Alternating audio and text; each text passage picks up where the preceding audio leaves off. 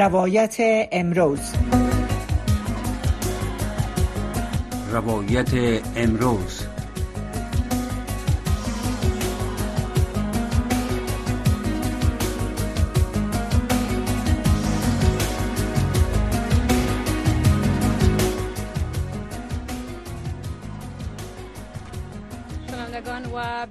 عزیز رادیو آشنا صدای امریکا سلام و وقتتان بخیر. امیدوارم در هر کجایی که هستین صحت و سلامت باشین و شنونده و بیننده رادیو آشنا صدای امریکا و همچنان تلویزیون آشنا صدای امریکا باشین. خب در برنامه روایت امروز ما روی موضوع ملل متحد که گفته که این سازمان در مورد بازداشت های خود سرانه اخیر زنان و دختران توسط طالبان به دلیل ادعای عدم رعایت قوانین پوشش اسلامی به شدت نگران است و گفته بررسی می‌کنه. در مورد از این صحبت خواد کردیم با مهمان گرامی ما خدا خموش از کشور ناروی.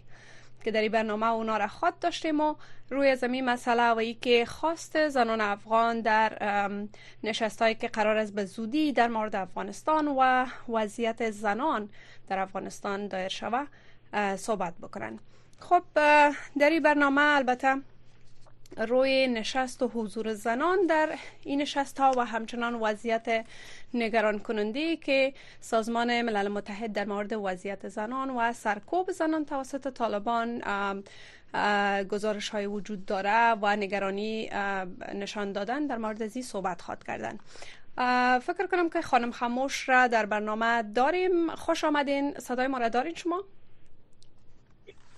سلام به شما. بله مسئله دارم خب خیلی خوش آمدین با برنامه خانم خموش در مورد البته نگرانی که سازمان ملل متحد در مورد وضعیت زنان افغان نشان داده و در گذشته هم گزارش های از سرکوب زنان دختران تحت حاکمیت طالبان وجود داشته. چی فکر می‌کنین؟ آیا پس از با ارسال نامی که توسط زنان افغان و بعضی از سازمان های مدافع حقوق زنان روان کردن. فکر می‌کنین که جدی گرفته شود از طرف سازمان ملل متحد؟ خب اول سلام به شما به شنونده عزیزتان.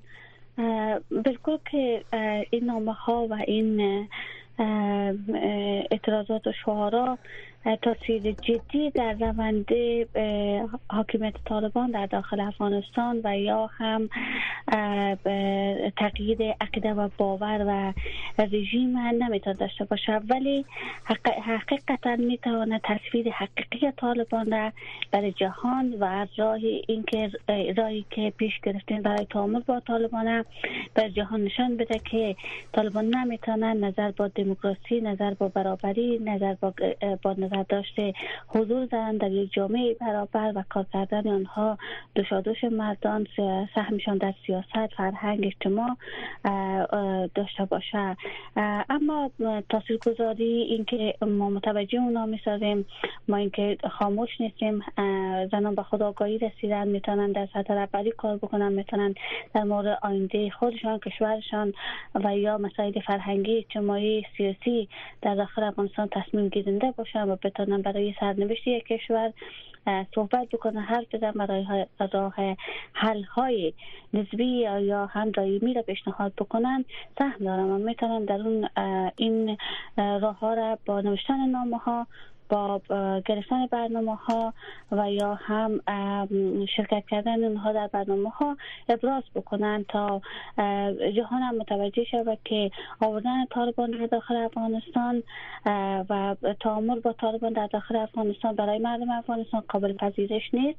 و نخواهد بود و تقدیم کردن افغانستان با با پامال کردن خون مردم با نظر نگرفتن حقوق زنان در داخل افغانستان خیانت بزرگی در قبال مردم افغانستان و زنان افغانستان بوده است. خب البته در مورد گزارش که در مورد وضعیت زنان در افغانستان در طول دو, سال و نیم گذشته تحت حاکمیت طالبان گزارش های متعدد از طرف سازمان ملل متحد در مورد سرکوب زنان در کل ندادن حقوق ابتدایی زنان در حاکمیت طالبان وجود داشته. و محدودیت هایی که البته در جریان دو نیم سال در افغانستان بالای زنان و دختران وضع شده. بیشتر وضعیت را بر زنان نگران کننده توصیف کردن. با آنکه نهادهای مختلف حقوق بشری و مدافع حقوق زنان از وضعیت نگرانی نشان دادن بازم تغییرات در وضعیت زنان در افغانستان نیامده. و حالا البته استفن دوجارک سخنگوی منشی عمومی سازمان ملل متحد گفته که این موضوعات را و این نگرانی ها را با مقامات طالبا هم از جمله وزارت امر به معروف و نهی از منکرشان در میان گذاشته و خواهان آزادی فوری همه کسایی که از با البته به دلیل به گفته طالبان بدهجابی یا بیهجابی بازداشت شدن هم درخواست کرده. فکر می‌کنین که پس از این طالبان به خواستها و به تاکیدات سازمان ملل متحد و مقامات او اعتنایی بکنن؟ خب طالبان باید این پاسخ ها را و این جواب ها و این لابی, لابی را برای خودشان به خاطر به شناختن رژیمشان داشته باشند. بنابراین طالبان نمی‌تونن وقتی خودشان داخل افغانستان حاکم هستند. خودشان رژیم به دست دارن و می‌تونن مردم سرکوب بکنن که ما شاهد بودیم و در سه سال تجربه کردیم. طالبان که عقیده به باباشون تغییر نکرده. بنا اندازه می‌بینن که برای اینکه بتونن حداقل از طرف جهان دیده شوند و بتونن حکومتشان شکل بدن و یا بتونن رای حل های برای رسمیت شناختن پیدا بکنن این دروغ های فاحش به خاطر لابی می‌کنن و می‌تونن این ابرازات داشته باشن تا بتونن نماینده های سازمان های سازمان سازمان های داخل داخل افغانستان و یا هم سازمان ملل به خوشان جلب بکنن. اما حقیقت چیز دیگری هست که آنها می‌گویند که متوجه می‌کنیم آزاد می‌کنیم ما در نظر می‌گیریم ولی تا چه وقت؟ آیا این فقط دستگیری ها آیا پایانی بر جنایت است؟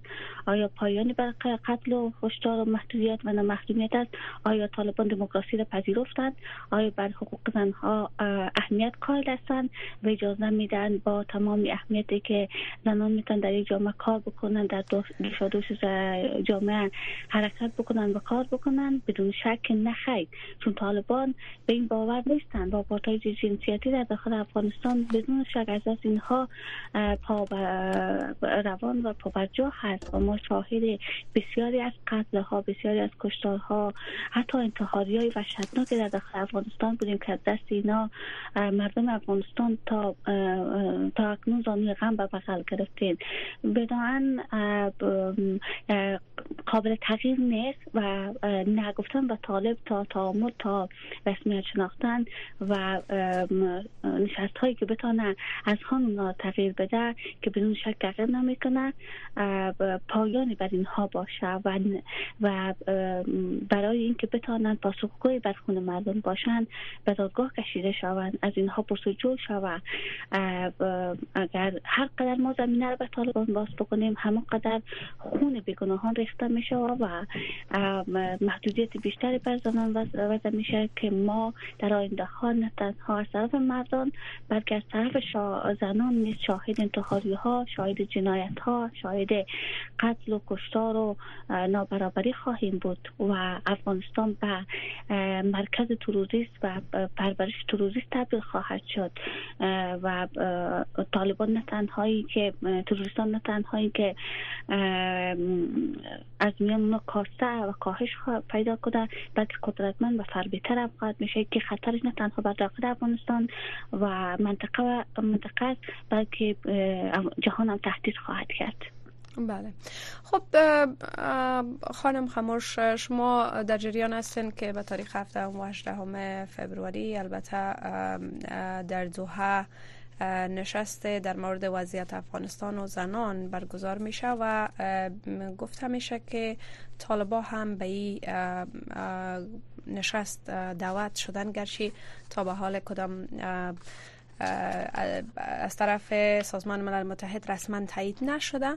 ولی بیشتر زنان و زنان فعال و همچنان برخی از نهادهایی که در عرصه حقوق زنان و دفاع از حقوق زنان کار می‌کنن درخواست کردن و خواستار حضور پررنگ زنان در این نشست شدن و گفتن که باید برای مخصوصا برای زنای معترض حق حضور داده شود تا بتانن که در اینجا خواستای خود در میان بگذارن و برشان رسیدگی صورت بگیره.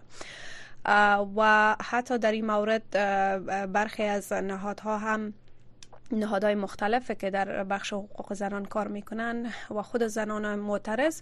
نامه هم برای منشی عمومی سازمان ملل متحد ارسال کردن و خواستاری حق شدن. فکر می‌کنین که از طرف سازمان ملل متحد جدی گرفته شوه و بر زنان مخصوصا و ویژه اینجا حضورشان به حضورشان البته حق داده شوه و اونا هم شرکت بکنن. فکر می‌کنین که این خواستشان قبول شوه؟ من باید در اینجا یک نکته بسیار واضح و واضح بسازم که برای بیننده شنونده ها گم نمانه و نباید به این فکر باشیم که نباید مخالفین طالب در یک میز گفتگو با طالبان بشینن. به خاطری که اگر اونا فکر می‌کنن اگر که ما بعد میز گفتگو با طالبان بشینیم تعامل با طالب نشان میدیم و یا هم رسمیت بر طالب میدیم. نه خیر. ما فرصت های بسیار زیادی را بر لابی های طالب و به طالبان دادیم که در میز گفتگو حضور پیدا کنند دروغ گفتن حاشیه رفتن و بر خودشان زمینه های بسیار زیادی را باز کردن اکنون زنان به خداگاهی کامل رسیدن. اکنون زنان می‌تونن بتونن تحلیل بکنن و بتونن در میز حضور پیدا بکنن. حقشان مطالبه بکنن و در تقابل با نابرابری ها دروغ ها و جنایت هایی که می‌تونن در آن میز گفتگو به تصویر بکشن به تصویر بکشن. ما اگر زمینه ها رو بگذاریم که لابیان طالب حضور پیدا بکنن طالبان حضور پیدا بکنن بدون شک زبان لابی زبان سیاست و زبان اینکه بتونن خودشان تقویت و فربی بکنن بدون شک بلد هستن و می‌تونن حضورشان مستحکمتر و قویتر بسازن. ولی اگر مخالفین آنها حقیقتا تصویری از زنان و مردان که برخلاف آنها هستند و از از سمت اونا صدمه دیدن فرزندانشان از دادن جوانانشان از دادن مکاتب تصویری از مکاتب مستندهایی از قتل جنایت کشتار آپارتاید جنسیتی جنوساید به تصویر در چنین به نشست ها به تصویر کشیده شود بدون شک طالبا نمیتون جهان نمی‌تونه نادیده بگیره و چشم پوشی بکنه و راهی را و صدای مردم نشنوه. چون دولت ها و دولت ها و حاکمیت ها با حضور مردم شکل می‌گیره و وقتی که مردم رای نده وقتی که رای مردم نباشه باور مردم نباشه مردم لبک نگویه طالبان پایدار نمیمانند و جهان هم نمی‌تونه به اونها رسمیت بده. و ما معتقد هستم وقتی که صدا بلند می‌کنیم وقتی که اعتراض می‌کنیم وقتی نامه ارسال می‌کنیم پس باید از حاشیه هم برایم و از اعتراض هم بکنیم دادخواهی هم بکنیم رای مدنیت هم تقیب بکنیم و با در میز گفتگو با طالبان هم بشینیم تا بتانیم حق و حقوق خود در اونجا در میان بگذاریم تا فربی تر از لابی طالب قوی تر از طالبان عملکرد ما را پیاده بکنیم و راه عملی و بدیل طالبان باشیم بله. ما نمی‌تونیم میزه های گفتگو و مکان هایی که بر اونها را اونها را میتون تقویت بکنه را خالی بگذاریم پس همچنان که اعتراض می‌کنیم دادخواهی می‌کنیم باید باید و حتمی و جدی در این نشست ها حضور پیدا بکنیم. واقعا بر ما چی معامله صورت می‌گیره؟ واقعا در اونجا چی گفتم میشه و واقعا چی روی سرنوشت ما چی معامله و یا چی طرح و برنامه ریخته میشه که ما حضور نداشته باشیم و در پشت سرمان لابیان و تروریستان تصمیم بگیرن و بیاین بر ما حاکمیت بکنن. خب در گذاشته هم در البته در دو سال بیشتر از دو سال گذشته که طالبان در حاکمیت هستند در افغانستان بیشتر نشست های البته به طور پراگندی صورت گرفته در کشورهای منطقه در البته در قزاقستان در ایران در پاکستان در چندین کشور البته صورت گرفته و با وجود که خواست زنان افغان از ابتدای حاکمیت طالبان که با محدودیت ها مواجه بوده خواستشان همی بوده که زنان باید سهم داشته باشن حضور داشته باشن و حداقل آوازشان و سخنشان شنیده شود که چی می‌خواین. مخصوصا زنان که معترض هستند زنان که با محدودیت ها خودشان دست و پنجه نرم می‌کنن. ولی تا به حال زنان معترض و کسایی که در بخش حق حقوق زنان کار می‌کنن. همین شکایت داشتن که برشان حق داده نشده و بعد در بعضی از نشست ها تا اگر زنان یک چند زن به نمایندگی از افغانستان رفته بیشترش با اتهامات همراه بوده که اونها در گذشته هم کار برای زنان افغان نکرده. چی فکر می‌کنین؟ این نشست چقدر چی تفاوت داره که فکر می‌کنین که در این نشست باید حق داده شود برای زنان و آیا فکر می‌کنین امی که زنان به طور دست جمعی نامه ارسال کردن قوتش دهی است؟ یا ای که فکر می‌کنین که در کل کشورهای جهان به اصلیت و در کل در کل گزارش هایی که در مورد رفتار و عملکرد طالبان وجود داره. اونها آگاه شدن و می‌خواین که دیگر ادامه پیدا نکنه. خب ما هر دو بودشه در نظر می‌گیریم. اینکه اکنون به خاطر این نشست و تغییر تغییر با نشست دوها و یا هم در نظر گرفتن رسمیت طالبان شاید شکل بگیره و یا نگیره. یعنی سخن ها و پیام های بسیار زیادی شنیده میشه که آدم استرس پیدا می‌کنه و استراب پیدا می‌کنه که مبادا طالبان رسمیت بگیرن. این باعث میشه که نامه های مشترکی در داخل افغانستان نوشته شود یا بیرون از افغانستان نوشته شود و روان شود که تا طرز و مردم پیام مردم و تامل کردن مردم با طالبان بیشتر بول شود و در نظر گرفته شود. و همچنان همین نامه ها و همین اعتراض هم توانسته چشم جهان در قابل در مقابل مردم و طالبان باز بکنه و در حقیقت نشان بده که اکنون در طی سه سال هم طالبان نتانستن زمینه تعامل با در درون افغانستان برای مردم باز بکنن.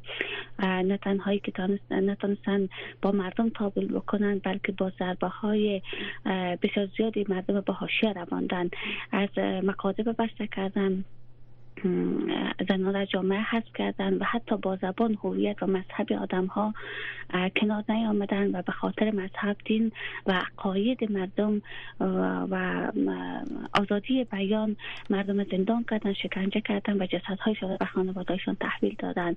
بنابراین تاثیرگذاریش در هر بوده هست اینکه ما در داخل افغانستان یا بیرون افغانستان می‌تونیم کارهای مشترکی بکنیم و نشان بدیم که بله اگر جهان در کیر جنگ است و توجهی بر افغانستان نمی‌کنه و افغانستان از سرخط خبرها افتاده و به نوی طالبان هم به میزهای گفتگو دعوت می‌شوند و صدای اونا بیشتر از مردم بیشتر از مخالفین طالبان شنیده می‌شود. ما سکوت نکردیم و زمینه هم اجازه نمیدیم زمینه هم برای تعامل با طالبان باز شود و و قاتلین مردم به رسمیت شناخته شود و بتونه حاکم افغانستان شود در کل تاثیرگذاری از هر دو طرف است. با وجودی که ما می‌بینیم اکنون وضعیت بین المللی در حال وخیم است جنگ در غزنه جنگ اعتراضات در ایران وضعیت انتخابات در امریکا و پاکستان که به منطقه کشور نزدیک برای افغانستان است و همیشه سیاست خودش در داخل افغانستان داشته. اینها پرده بسیار دقیمی است که بر روی جنایت طالبان افتاده است و نمی‌گذاره که حقایق طالبان در داخل افغانستان مستند شود و آشکار شود شود و جنایت ها بر چشم دیده شود. ولی همین همین مجموعه از زنها همین مجموعه از مردها می توانند به صورت متمرکز نامه ها روان بکنن و بتانند نشان بدن که نه ما سکوت نکردیم و طالبان نمی‌خواهیم و این نشست ها باعث نمیشه که راه تعامل به طالبان باز شود و اونا حاکم افغانستان شود بله. خب خانم خاموش قسمه که در جریان هستین زنان در دو سال و نیم گذشته با محدودیت های زیاد در افغانستان معوری شدن. چی در عرصه کار آموزش فعالیت های اجتماعی و حتی به رفتن به پارک ها حتی جاهای تفریگاه ها و از تمام محلات زندگی اجتماعی دور نگه داشته شدن و حضورشان کمرنگ شدن نسبت به گذشته. در اینجا تعداد زیاد از زنان مجبور به ترک کشور شدن و تعداد هم که در افغانستان باقی ماندن در تلاش ازی هستند که کشور را ترک بکنن و نمی‌تونن که در این وضعیت در افغانستان زندگی بکنن. حالا که وضعیت روز به روز تنگتر و محدودتر میشه برای زنها در داخل افغانستان. شما مسئولیت زنها و خانمایی را که از افغانستان بیرون شدن و فعلا در یک محل امنتر و یک جای بهتر زندگی حالت و یا وضعیت بهتر قرار دارن مسئولیت این خانما و زنها در قبال دادخواهی بر زنایی که در داخل افغانستان است چی است؟ چی کارهایی باید انجام بدن؟ چگونه زنان در داخل افغانستان کمک بکنن؟ متاسفانه که بهترین شکل همبستگی ما ای است که راه های دور افتادیم و نمی‌تونیم به طور متمرکز هم دیگر ببینیم و برنامه ها پلان ها و های خود در میان بگذاریم و کار بکنیم و این باعث میشه که همین همبستگی ها را بیشتر از میان برداره. و ما خوشبختی این هم هست که ما از دنیای مجازی با هم وصل هستیم صحبت می‌کنیم نظریات کارکردها و های خود ما در میان می‌گذاریم. و ما بیشتر از این زنان هم می‌بینیم بیشتر از زنان کار می‌کنن فعالیت می‌کنن و تلاش می‌کنن که بتونن راه ارتباطی بیشتر از داخل افغانستان باز بکنن و بتونن با مردم و با مردم گفتگو بکنن کار بکنن تا بتونن حقایق و یا هم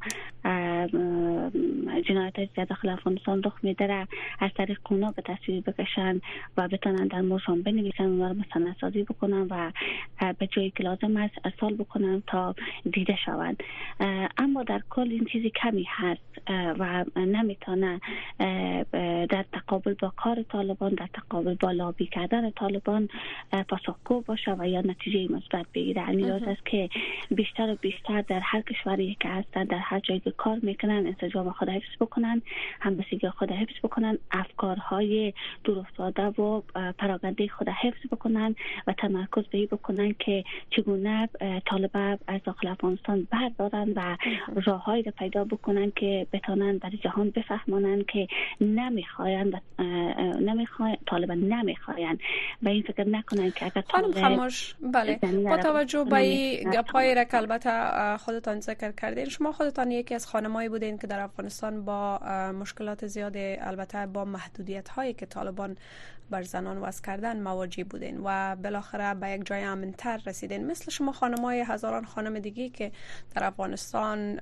کار و فعالیت می‌کردن و زندگی آیدیال خود داشتن ولی با محدودیت هایی که طالبان وضع کردن با استقرارشان در افغانستان مجبور شدن که کشور را ترک بکنن و تمام کاروبار خود را رها بکنن. فکر می‌کنین که این خانما با آنکه فعالیت های در بیرون از افغانستان دارن ولی یک شبکه یک دست و یا فعالیت که انسجام فعالیت انسجام از این خانما را نشان بده و بتانن برای طور درست برای خانمای افغان در داخل افغانستان دادخواهی بکنن تا به حال وجود نداشته. آیا این مشکل یا ای چالش است که خانمای افغان در کل دارن یا ای که حداقل می‌تونن که پس از این منسجم تر شوند؟ خب بدی ما و اینکه طالب تا در طی سه سال حتی در داخل افغانستان بمانه همی است که ما نتونستیم افکارمون باورهایمون و طرحهای ما را مشترکن برای سازمان هایی که در داخل افغانستان کار می‌کنن و می‌تونن صدای بیشتری در زنای افغانستان و مردم افغانستان بشنون داشته باشیم. بیشتر این جلساتی که ما اشتراک می‌کنیم کار می‌کنیم و یا هم صدای مردم می‌باشیم به این متوجه میشیم که نماینده هایی که در داخل افغانستان کار می‌کنن با ما شاید می‌کنه که صحبت های شما در داخل بیرون افغانستان یک چیز است و مردمی که در داخل افغانستان از دیگه چیز دیگه است و افکارهای مختلف دیدهای مختلف طرحهای مختلفی شریک میشه و که نمی‌تونه همه قابل پذیرش باشه. خب در هر صورت ما مردم داخل افغانستان برشان حق میدیم چون زیر میله تفنگ هستن و با با ترس و تهدید حاضر میشن که این برنامه ها را مثلا پاسخگو باشن و یا هم وقتی که اشتراک می‌کنن در جلسات یا یا بین نمو می‌روند از این خاطری که کشته نشن زندگیشان از دست نده باید تحمل بکنن و باید با این زندگی وحشتناک و نابرابر بجنگن و استادگی بکنن تا زندگیشان از دست اما بیرون مردم بیرون می‌تونه تحمل بکنه. تمام افکار عقیده ها و عقیده های پراگندیشون کنار بگذارن و بیاین روی یک برنامه نگفتن به طالب و نگفتن به رسمیت به طالب تمرکز بکنن بعد از اون می‌تونیم ما مسائل فرهنگی مذهبی زبانی هویتی و تاخت و تازهایی که در میان ما را بعد از نگفتن به طالب حل بکنیم و بتونیم زمینی صلح حقیقی را باز بکنیم. بدیل خوبی در تقابل با طالب انتخاب خب خانم خاموش اگری پاسخ را بسیار مختصر جواب بدین چون وقت برنامه کم باقی مانده. چقدر شما امیدوار هستین که در افغانستان وضعیت بر زنان به این زودی ها تغییر بکنه؟ اگر طالبان همین گونه طالبان حضور پیدا بکنه و جهان اونا را تقویت بکنه پول های اضافی در داخل افغانستان ارسال شود مردم هم پراکنده باشه نامید کننده است. ما به عصر حجر میریم به عصر سنگسار میریم به عصر که دیگر زن, زن زنده و گور میشه و معنی نداره. ولی اگر این سجام ها را حفظ بکنیم مطمئن هستم در کوتاهترین مدت از افغانستان برچینده خواهد شد و ما می‌تونیم به موفقیت برسیم. یک جان سپاس از خدا خموش فعال حقوق زنان که در برنامه مستقیم با ما بودن. یک جان سپاس از حضورتان و نظریاتتان. بیننده عزیز و شنونده عزیز رادیو آشنا صدای امریکا ای بود برنامه روایت امروز که تقدیمتان شد. تا برنامه بعد که باز هم در خدمت قرار می گیریم شما را به لای پاک میسپاریم. ایام و کامتان.